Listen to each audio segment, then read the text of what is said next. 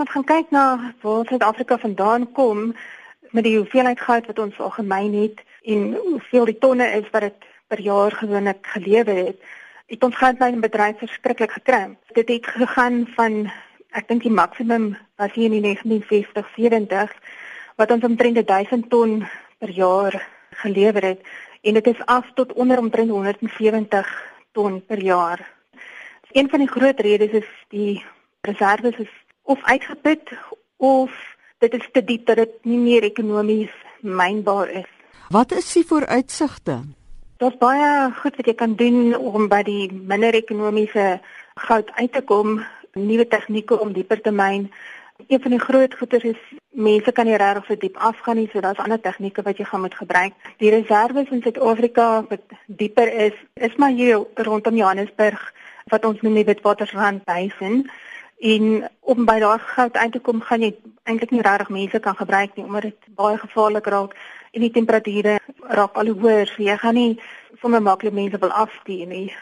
Die ander ding is van die kleiner goudmyne wat deur die jare basies oorgekoop is van die groter mynmaatskappye af wat gesien het hulle goeder is nie regtig ekonomies vatbaar nie.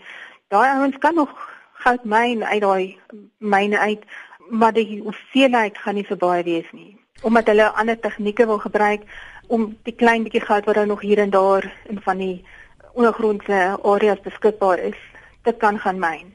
Watter rol speel arbeid in die kostebestruktuur van die myn van goud? dit is seker omtrent die helfte van dit wat dit jou kos om die goud te gaan uithaal. Die helfte van jou kostes is maar jou human capital. Die ander goed is water en elektrisiteit is bietjie minder, maar omdat jy baie mense nodig het, gaan die kostes die grootste gedeelte daarvan word gedra dan deur jou human capital. Hoe vergelyk Suid-Afrika se goudbedryf met die res van die wêreld?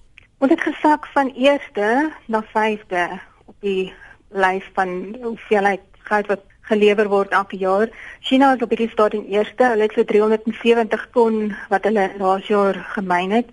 En dan plekke soos Amerika, Rusland, Australië, hulle is almal vir bo die 200 ton per jaar wat hulle lewer. So Suid-Afrika se ons 'n voet wat ons in die deur gehad het om te sê ons is die grootste produsent het ons reeds verloor.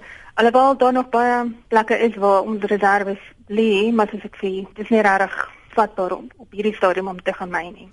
Is goud nog 'n veilige hawe soos in die verlede? Mense sê altyd as daar oorlog was, as jy goud het, is jy in 'n beter posisie.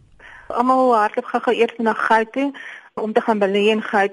As jy gaan kyk na die plekke waar die meeste goud consumption, dis nie verseker dat dit hulle regtig die goud gaan gebruik om juwele en so aan van te maak nie, maar hulle belê dalk eerder daarin as om in of die rand of die dollar of so te gaan belê. So die ouens op die stadium wat die meeste goud consumption het is Saudi-Arabië en ons weet hulle wil die ouens met die meeste geld wat uit olie uitkom. So ek dink mense gaan nog steeds hulle gaan belê nog steeds in goud omdat dit nie so maklik geaffekteer word deur 'n land se oorlog wat hy met iemand anders te maak en sy geldeenheid dalk val nie. So goud is 'n relatiewe veilige plek om jou geld te gaan belê. Suid-Afrika se gelde wat ons inkry, ons GDP is op hierdie stadium van goud af minder as 4%. Dis vir die uitvoere van goud waar dit voorheen een van die oorheersende bedrywe was.